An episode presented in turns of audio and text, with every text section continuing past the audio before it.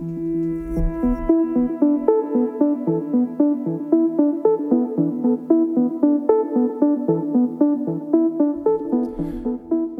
skal det handle om omsorgstræthed, også kaldet sekundær traumatisering eller medfølelsestræthed. Det er der høj risiko for at udvikle i vores fag. Kombinationen af de hurtige skift, det høje arbejdstempo og de høje følelsesmæssige krav, som stilles til os, kan medføre, at vi bliver mentalt slidt og måske ikke lægger mærke til det. Du kan som lytter begynde med at stille dig selv følgende spørgsmål. Er du opmærksom på, hvordan du reagerer, når du kommer under pres? Bliver du tykhudet, eller bliver du tyndhudet? Bliver du overinvolveret, eller bliver du underinvolveret? Og lige så vigtigt, er du opmærksom på, hvad der kan beskytte dig fra at blive unødvendigt mentalt slidt, og hvad der kan fremme det. Mit navn er Christian Føtsch. Jeg er special i almindelig og redaktør på Månedskriftet. Vi har to gæster i studiet. Heidi Bølund, velkommen til dig. Tak. Du er etnolog og organisationskonsulent i PLOE. Du har 16 års erfaring med at facilitere ledelses- og organisationsudviklingsprocesser i almen praksis. Ja. Du er med i PLO's øh, krisekorps, og ikke mindst så er det faktisk dig, der har foreslået, at vi skulle lave en podcast om lige præcis omsorgstræthed. Og fortæl os lige en gang, hvorfor er det vigtigt, at vi skal lave det? Det er vigtigt, fordi jeg er ude hos mange klinikker, hvor jeg kan se, at de vil have gavn af at have et fælles sprog øh, omkring omsorgstræthed, og at man øh, vil det er bare det at være acceptere, at det er noget, man kan komme i risiko for. Altså, det er et øh, hårdt arbejde at være praktiserende læge, og det er også, øh, der er mange gode grunde til, at man skal beskæftige sig med omsorgstræthed. Og Lena snart velkommen til dig. Tak for det. Du er praktiserende læge videre, og så er du redaktør sammen med mig her på Månedskriftet. Du underviser, du er kursusleder, og du laver rigtig, rigtig mange andre ting. Og så er du sammen, ligesom Heidi, en del af PLO's krisekorps. Og det er sådan som dig, man kan få et samtaleforløb med, hvis man som praktiserende læge er i krise. Ja, det er rigtigt. Og, og du fortalte mig på et tidspunkt, at når du kigger tilbage på dine 27 år som læge, så du kan få øje på tre faser, som man kan gennemgå som læge. Ja, altså nu er det så uhyggeligt, det er faktisk øh, ikke 27 år som læge, det er 27 år som praktiserende læge, gud bedre det. Så øh, jo, altså, jeg, øh, jeg har fundet på, eller hvad skal man sige, jeg har udviklet sådan en lille øh, eventyr, kan man sige. Og det er lidt ligesom i, i Brødrene Grimm, ikke? Der er sådan tre faser, man går igennem. Og den første, jeg identificerede hos mig selv, det var altså den her begejstringsfase, hvor, hvor man synes, det er helt fantastisk, hele den her guldgruppe af, af mennesker, der, der er derude i vores praksis, og de søger os, Gud bedre det, ikke? Og så sidder man der og, og kan blive helt fascineret af, med rette, øh, hvilken tillid mennesker har til os, og hvor gode vi selv kan blive til at dirke alle mulige døre op. Så det, det kalder jeg sådan dåseåbnerfasen. Altså jeg blev så fascineret af min egen evner med dåseåbner, så jeg åbnede og åbnede og åbnede alle de her dåser. Så man kommer ud i praksis, man nedsætter sig, man er, man er masser af energi, og man er helt ja. overrasket over, hvor, hvor meget man egentlig kan. Ja, man bliver så begejstret. Og så tænker jeg, at den næste fase, den øh, kom, da jeg fandt ud af, at der var godt nok meget, mange åbne dåser, kan du sige. Ikke? Og, øh, og øh, folk begyndte, måske det var det, jeg selv tænkte, og, og øh, de vil have den vare, fordi de synes, det var en ret lækker vare. Der sidder sådan en der med dåseåbner, og, og så kan man komme ind og give den øh, fuld skrue. Og så begyndte de sådan på en eller anden måde, det jeg kalder, og det var sådan mere, at de begyndte på selvbetjening på mine hylder. Altså så pludselig var de overrodet i steder, hvor jeg synes, der skulle de overhovedet ikke være. Og så kunne jeg blive sådan lidt, nej, stop. Altså, det er jo mig, der har dåseåbneren, ikke? Øh, og så kom den der sådan fase, hvor, hvis jeg skal kigge tilbage, så blev jeg måske sådan lidt, kunne sidde bitch om patienterne oppe i kaffestuen. Så jeg siger, hold da op, altså, så er der den og den, og så har de gjort det og det, her. og så kunne jeg godt selv se, det her, det, det dur sgu ikke, fordi så i fase 1, der, har du, øh, der åbner du alle hylderne og kom nærmere, og så i fase 2, så bliver det ligesom for meget. Så, det bliver så, så, for meget, ja, simpelthen. Ja. Jeg har sat for meget i gang. Ja. Jeg har, mere end du kunne magte i virkeligheden. Mere end jeg egentlig ja. kunne magte. Øh, så, så der skulle ske noget andet. Øhm, og så var det jo der, og så er man jo heldigvis medlem af supervisionsgrupper og, og mange andre dejlige ting, og har nogle kolleger, der godt kan se, at nu bliver du vist lidt skænger, ikke? Mm-hmm. Og så kan man begynde at grine lidt af sig selv på en god dag, ikke? Og det er jo der, hvor kollegerne er utrolig væsentlige. Om at man har en god stemning omkring frokostbordet, og man også lige har sådan lidt Oxford-møde-komponenter, ikke? hvor man kan komme og sige, så, gjorde gør jeg det, og ej, prøv lige at høre her. Og så, så får man lidt en renser på det, hvis man har et godt kompagniskab, hvilket jeg heldigvis altid har haft. Det er jeg glad for. Så det lyder som en, altså det lyder som en meget sådan modningsfase, jeg, kan, Ja. jeg kender det helt klart også som mit eget arbejdsliv, det her. Det tror jeg, der er mange, der gør.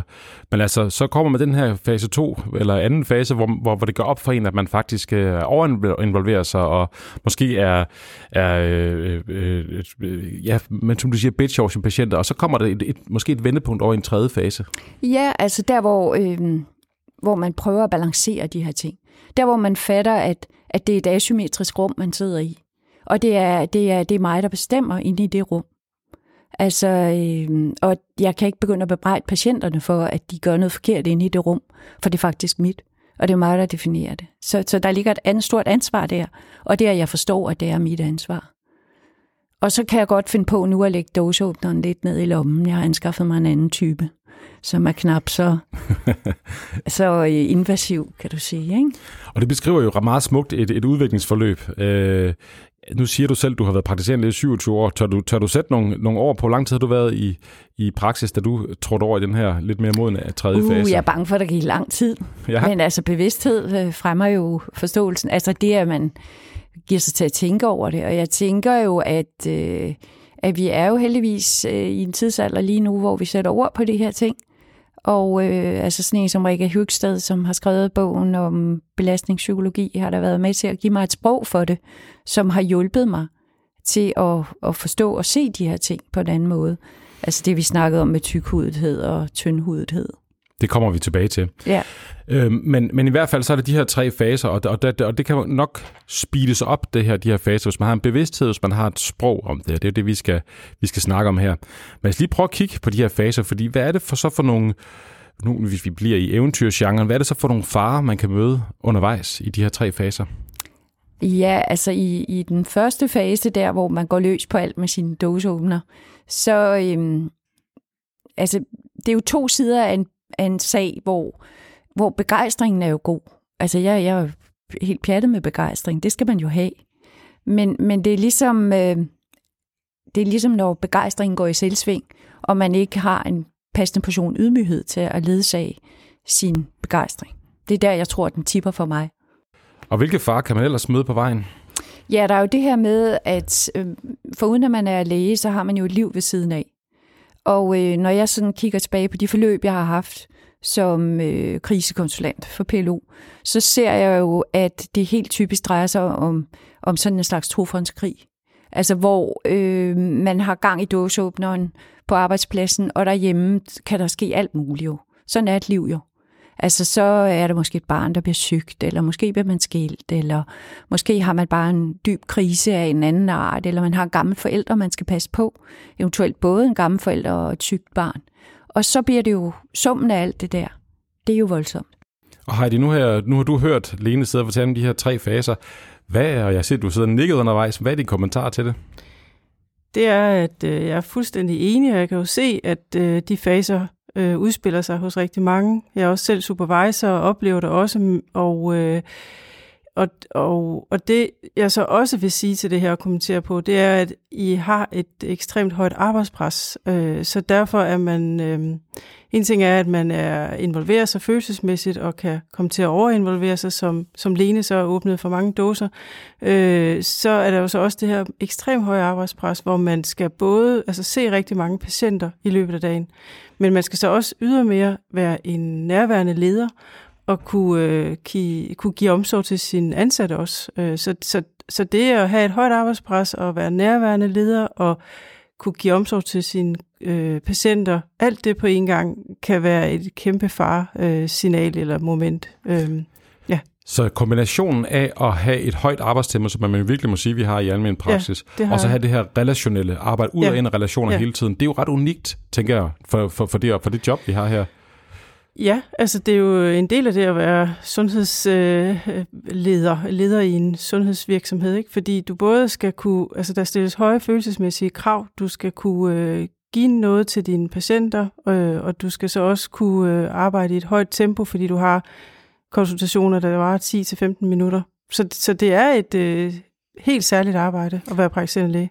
Og øh, det her vilkår, der er i vores job, altså vi kan jo, det kan man jo godt blive fuldstændig blind overfor. Ja. det tror jeg bestemt, I er. Jeg tror ikke, altså nu er jeg jo ikke selv praktiserende læge, og når jeg kommer jo ud, og jeg er jo helt, jeg er jo stadigvæk, øh, jeg er jo meget imponeret over, hvad I formår, og hvad I kan gøre, altså hvad I kan nå på en dag.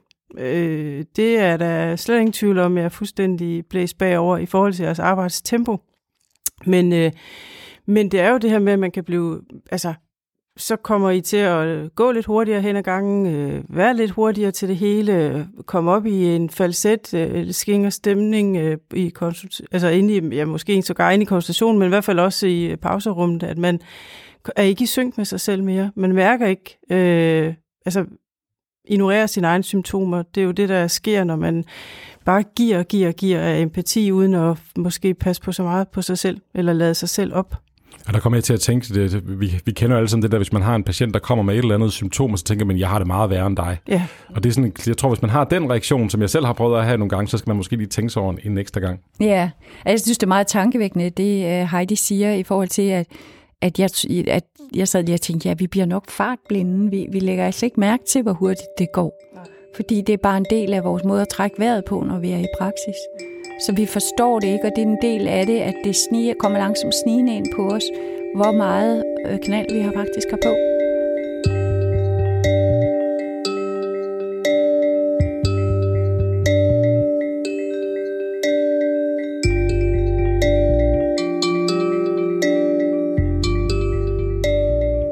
Os lige kigge på begrebet omsorgstræthed. Altså, der findes jo ikke nogen klar definition, men Heidi Bølund, vil du lige prøve at sætte nogle ord på, hvordan du ser omsorgstræthed? Jo, det er, når man ikke længere kan rumme de mennesker, man skal give omsorg.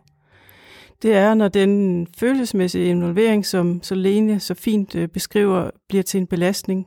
Når, øh, altså når den følelsesmæssige involvering, man, som der skal ligge i det at øh, have med mennesker at gøre, øh, bliver så høj en følelsesmæssig belastning, at det går ud over ens egen trivsel, så vil jeg sige, at man er omsorgstræt.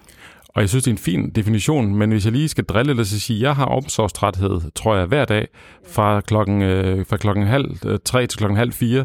Øh, og det kan vi, de fleste af os nok, nok godt genkende, men hvad er det, der er, der er særligt for den her type omsorgstræthed, hvor det er lidt mere det lange træk? Ja, Jamen det er jo det, at man, øh, altså, som, som Lena var inde på inden, at man overinvolverer sig øh, og slet ikke kan se sine egne, øh, sine egne reaktionsmønstre, at man overinvolverer sig, eller man faktisk distancerer sig, at man bliver kynisk og depersonaliserer patienterne, altså man ikke rigtig, altså man er faktisk ligeglad med, hvordan det går i ens patienter. Øh, så er det derude, hvor man begynder at kan definere det som omsorgstræt. Altså man, man står op om morgenen, man har ikke lyst til at tage på arbejde. Det er jo faktisk, ja, det er jo en af de øh, definitioner, som der også er i en artikel, du har skrevet til månedskriftet, Lene, det her med, at øh, hvis man kigger på sin egen reaktionsmønster, så er der typisk enten, at man tendens til at overinvolvere sig eller underinvolvere sig. Ja, det er sådan et begreb, Rikke Høgsted har udviklet med, at, øh, at man, øh, man kan jo skifte imellem også den, den blå underinvolvering og til den røde overinvolvering. Det er jo ikke sådan, at man er enten det ene eller det andet. Man har nok generelt en præference for det. Altså jeg bekender mig helt klart til at være en, en lidt rød øh, type. Som er? Som er, at jeg kan overinvolvere ja. mig. Jeg bliver lidt sådan, nej, og det var da også synd. Og det, bliver lidt, det kan blive for meget. Altså jeg er ikke typen ret tit, som siger, at det altså, jeg sender dig videre, og jeg, jeg laver henvisninger, og det gør vi jo alle sammen. Men det er jo noget af det, altså man kan veksle mellem at være rød og blå samme dag. Ja. Altså, så det, det er nok vigtigt at sige, det er ikke fordi, man sidder hele tiden og er overinvolveret. Man kan faktisk også på sekundet efter begynde at være totalt underinvolveret. Måske i virkeligheden også med sine kolleger oppe i kaffestuen. Ja, øhm, faktisk. Kan du sætte nogle flere ord på det? Ja, altså, fordi man har brugt kvoten måske. Mm. Og så kommer man op, og så skal ens, øh, øh, hvad hedder det, kompagnon Gud bedre det til tandlæge, eller der er noget for 27. gang med den gamle mor i Vejle, eller hvad ved jeg, ikke? Og så øh, hvis ikke man har et sprog for det, så tror jeg, at man kan havne der, hvor man, man bliver lidt kølig, når fuck man, nu skal øh, Karl Ejner igen til Vejle. Ikke? Altså, det var jo lidt irriterende, det går over mig. Ikke? Og jeg hænger i forvejen i en tynd tråd. Sådan tror jeg, at nogen kan tænke. Så hvis man mærker de der reaktioner i sig selv, så er det måske meget godt, at man lige tænker over det her. Et andet, andet øh, prædikat, vi har snakket om her, det er at være tyndhudet eller tykhudet. Ja. Altså, det er jo lidt de samme, øh, hvad kan man sige, sådan, øh, opdeling, som jeg, som jeg øh, hørte.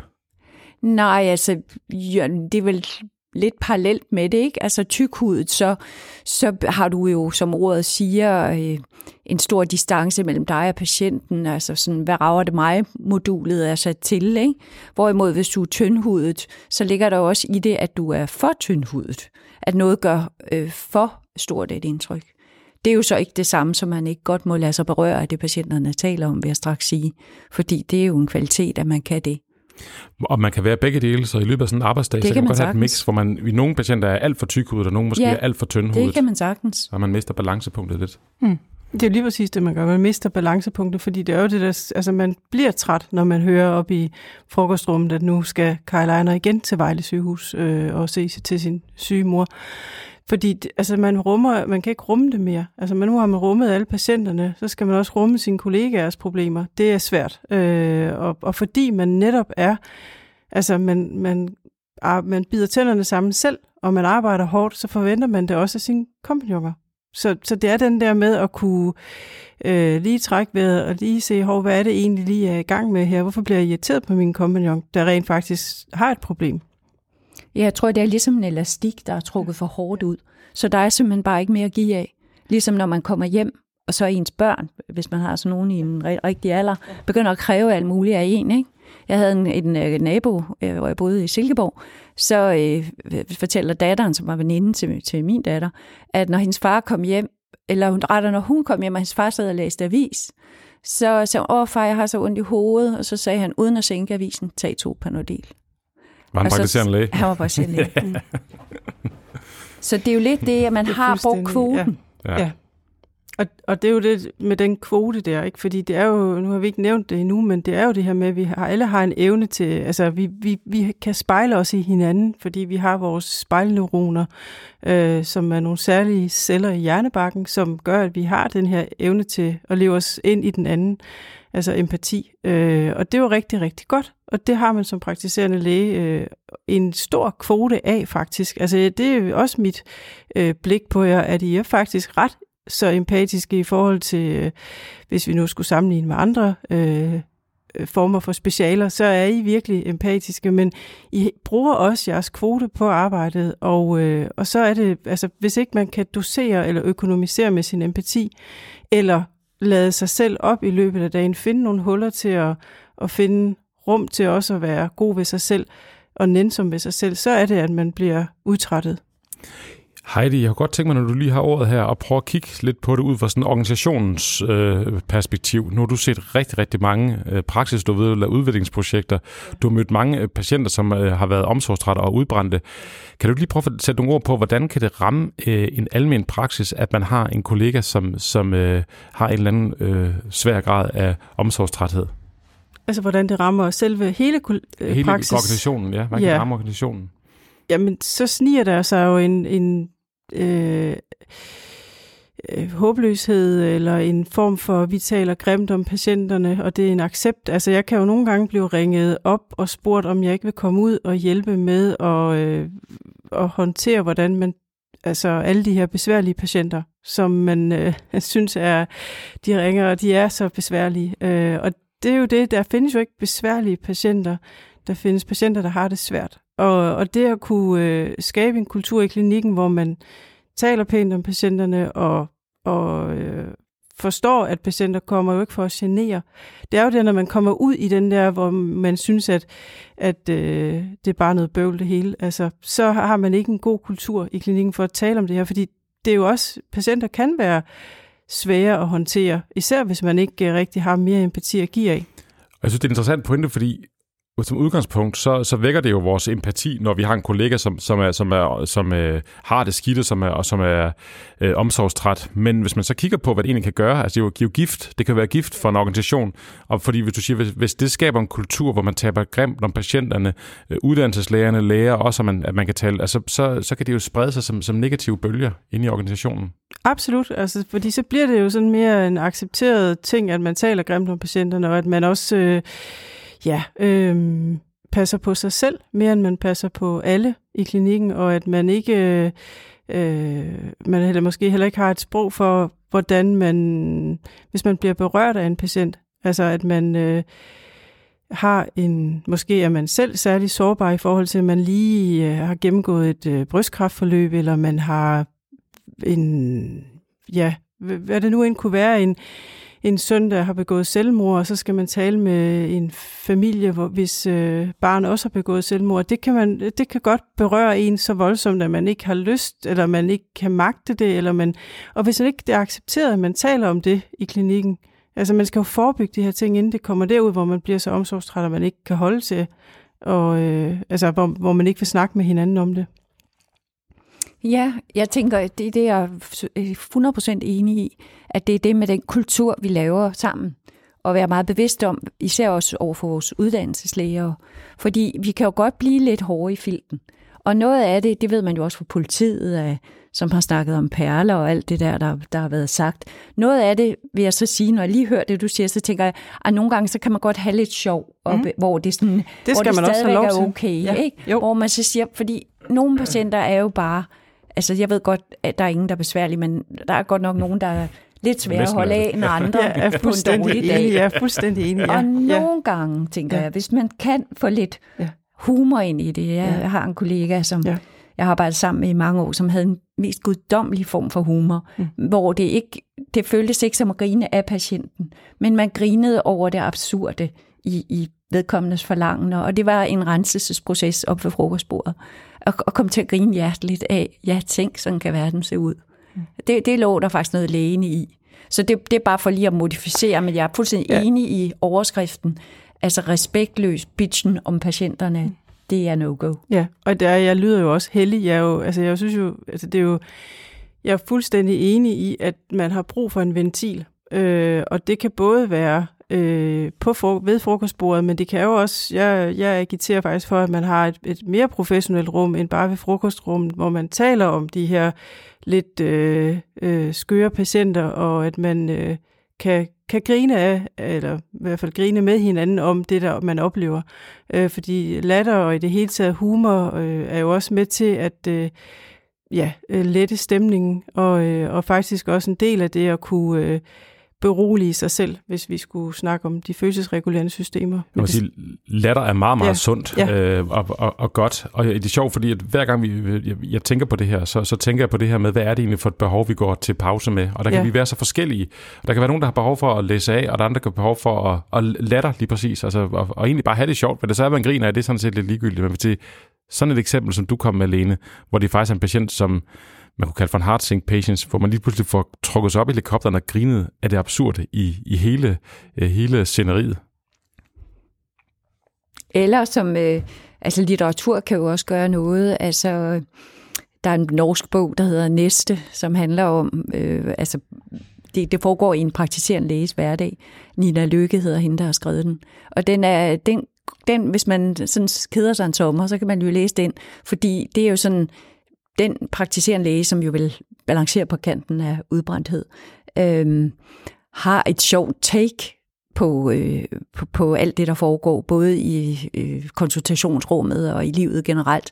Og, og den er virkelig rensende at læse, fordi man er både jeg grinte hjerteligt undervejs, så faktisk blev jeg også beklemt, sådan så det var nummeret før, der sne sig en tårer frem.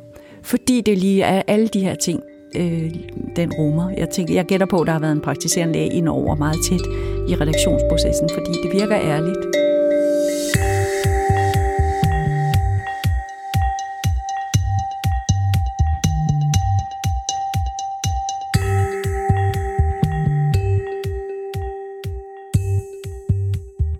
I har flere gange talt om det her med, at vi skal have et sprog, for, øh, eller vi mangler et sprog i vores klinikker. Øh, kunne vi ikke prøve lige at få et, et, et eksempel på, eller hvad, hvad er det, I mener med, med sprog? Jo, altså jeg kan tage et eksempel, øh, jeg selv har oplevet en gang, hvor jeg var på et øh, plejehjem og øh, besøge en ældre kvinde, som for nylig havde fået lavet en årskontrol. Og, øh, og ja, så fik jeg at vide, at sønnen var der, og jeg havde lidt en fornemmelse af, at den søn, han, han, var, øh, han var lige lidt på krigsstien, for jeg havde snakket med ham en gang tidligere og øh, hvor han verbalt øh, sådan overfusede mig, men jeg tænkte, at jeg, jeg tager den på talentet. Og så var jeg inde, og, og så gemte jeg det til sidst altså af stuegangen. Og så, øhm, øh, lang historie kort, så mens jeg opfatter, at vi sidder og taler om den her mors behov, så pludselig bliver han meget anklagende over for mig og siger, at du, du siger bare sådan nogle floskler, og hvad er du også for en læge, og du kommer her helt uforberedt, og, og hvordan, hvad bilder du dig egentlig ind? Og det var vanvittigt ubehageligt at opleve det, altså virkelig ubehageligt. Og der var noget over den måde, han agerede på, som hvor han var virkelig truende. Og jeg, jeg, jeg, jeg synes om mig selv, at jeg, jeg, jeg kan godt tåle lidt af hvert. Men jeg var virkelig rystet. Jeg var faktisk øh, ramt af den oplevelse. Og da jeg så kommer hjem og fortæller om den, så lige første omgang er der jo ikke rigtig noget gehør for det. Mm. Altså, jeg, jeg oplever ikke, der er nogen, der tager vare på Gud. Det var da egentlig en frygtelig oplevelse alene. Det, mm. uha, det, det er da rent. Altså, den blev bagatelliseret, oplevede jeg faktisk der, ikke? Og hvor så, det, så har jeg senere taget det op, og det er jo der, hvor jeg tænker, det er utrolig væsentligt, at vi får talt ud om sådan nogle ting. Ikke? Så vi ikke står alene med vores frustrationer, vores øh, mm, oplevelse af os selv, som, hey, gjorde jeg det egentlig ordentligt, eller, eller har jeg ret i, at han er en trussel, kan finde på at opsøge mig på min adresse måske? Fordi der var noget ubehageligt over personen lige der. Så set i bagspejlet, der havde du egentlig haft behov for at debriefe den her situation? Ja, det havde jeg faktisk. Hvad ville du gerne have gjort anderledes? Jeg ville gerne have sat det på dagsordenen selv, fordi det øh, føler jeg, jeg er gammel nok til. Og jeg skal også være et godt eksempel for mine unge læger. Hvordan sat på dagsordenen? Jamen, jeg, ville, jeg skulle have sat det på dagsordenen på et, øh, på et møde i, i, nede i praksis. Et af vores personalmøder, og så sagt, nu skal I høre, at jeg har haft den her oplevelse. Eller også så skulle jeg have fat i mine kompagnoner og sagt, vi bliver nødt til lige at sætte os ned så, og tale om det her. Så, defin- så identificeret det her behov, du har haft, og så få sat det på dagsordenen. Ja. Så man tager det ansvar og ja. sige, det, det her bliver jeg nødt til at, at, at debriefe eller dele med nogle andre, sådan så, øh, for at passe på mig selv. Ja, altså for, ja, for at blive hørt, og for at, at der var nogen, der også lidt tog vare på det her. Og jeg ikke stod så alene med det. Ja, det er jo netop det at få en professionel tilgang i klinikken til, hvad der kan ske med en, hvordan, hvad der, når man bliver berørt, øh, og når man har brug for at få øh, talt det igennem. I skal bære rigtig mange ting i det at være praktiserende læge og have så mange patientkontakter med folk, sover, øh, smerter, øh, skam, whatever I møder af, af, øh, af lidelse. Og det, at øh, I bliver berørt på forskellige måder, og det at kunne have en, øh, en accept af, at øh, nu blev jeg lige berørt, og kunne dele det med sine kollegaer, og de faktisk lytter, og at de også accepterer det, og, og giver, altså anerkender ens oplevelse, og, og øh, så bliver det lidt lettere at bære byrden, bære det, at man har været udsat for.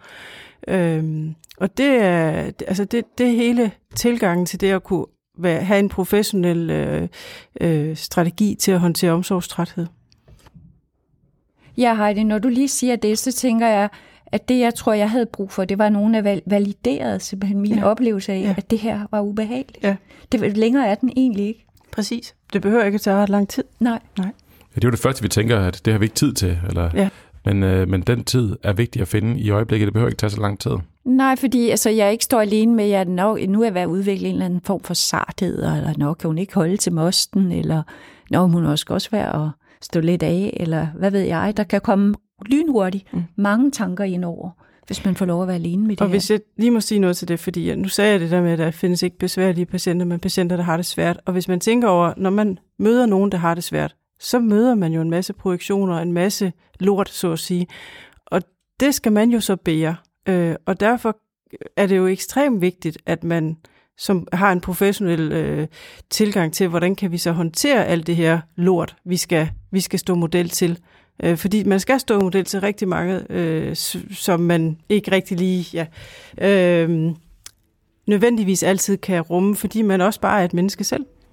Ja, og for at blive i den der lorte metafor, så skal vi hjælpe hinanden med at trække i snoren. Ja, og præcis, ud. lige præcis. og nu taler vi os ind i det, vi skal tale mere om i det andet afsnit af den her podcast. Så skal vi nemlig tale om modgiften til omsorgstræthed. Så jeg tror lige så stille og roligt, at vi øh, runder det her afsnit af. Øh, fordi udvikling af omsorgstræthed, det er en reel fare, når man arbejder i almindelig praksis. Det har jeg i hvert fald lært af det, I har sagt her. Og i studiet, der, havde vi, eller der har vi praktiserende læge Lena Aersnap og ledelseskonsulent Heidi Bølund. Og som sagt, i næste samtale, der bliver overskriften Modgiften til udbrændthed. Vi takker dig, som lytter med, og vi håber, du vil anbefale podcasten til en god kollega, hvis du synes, du har hørt noget, du kunne bruge.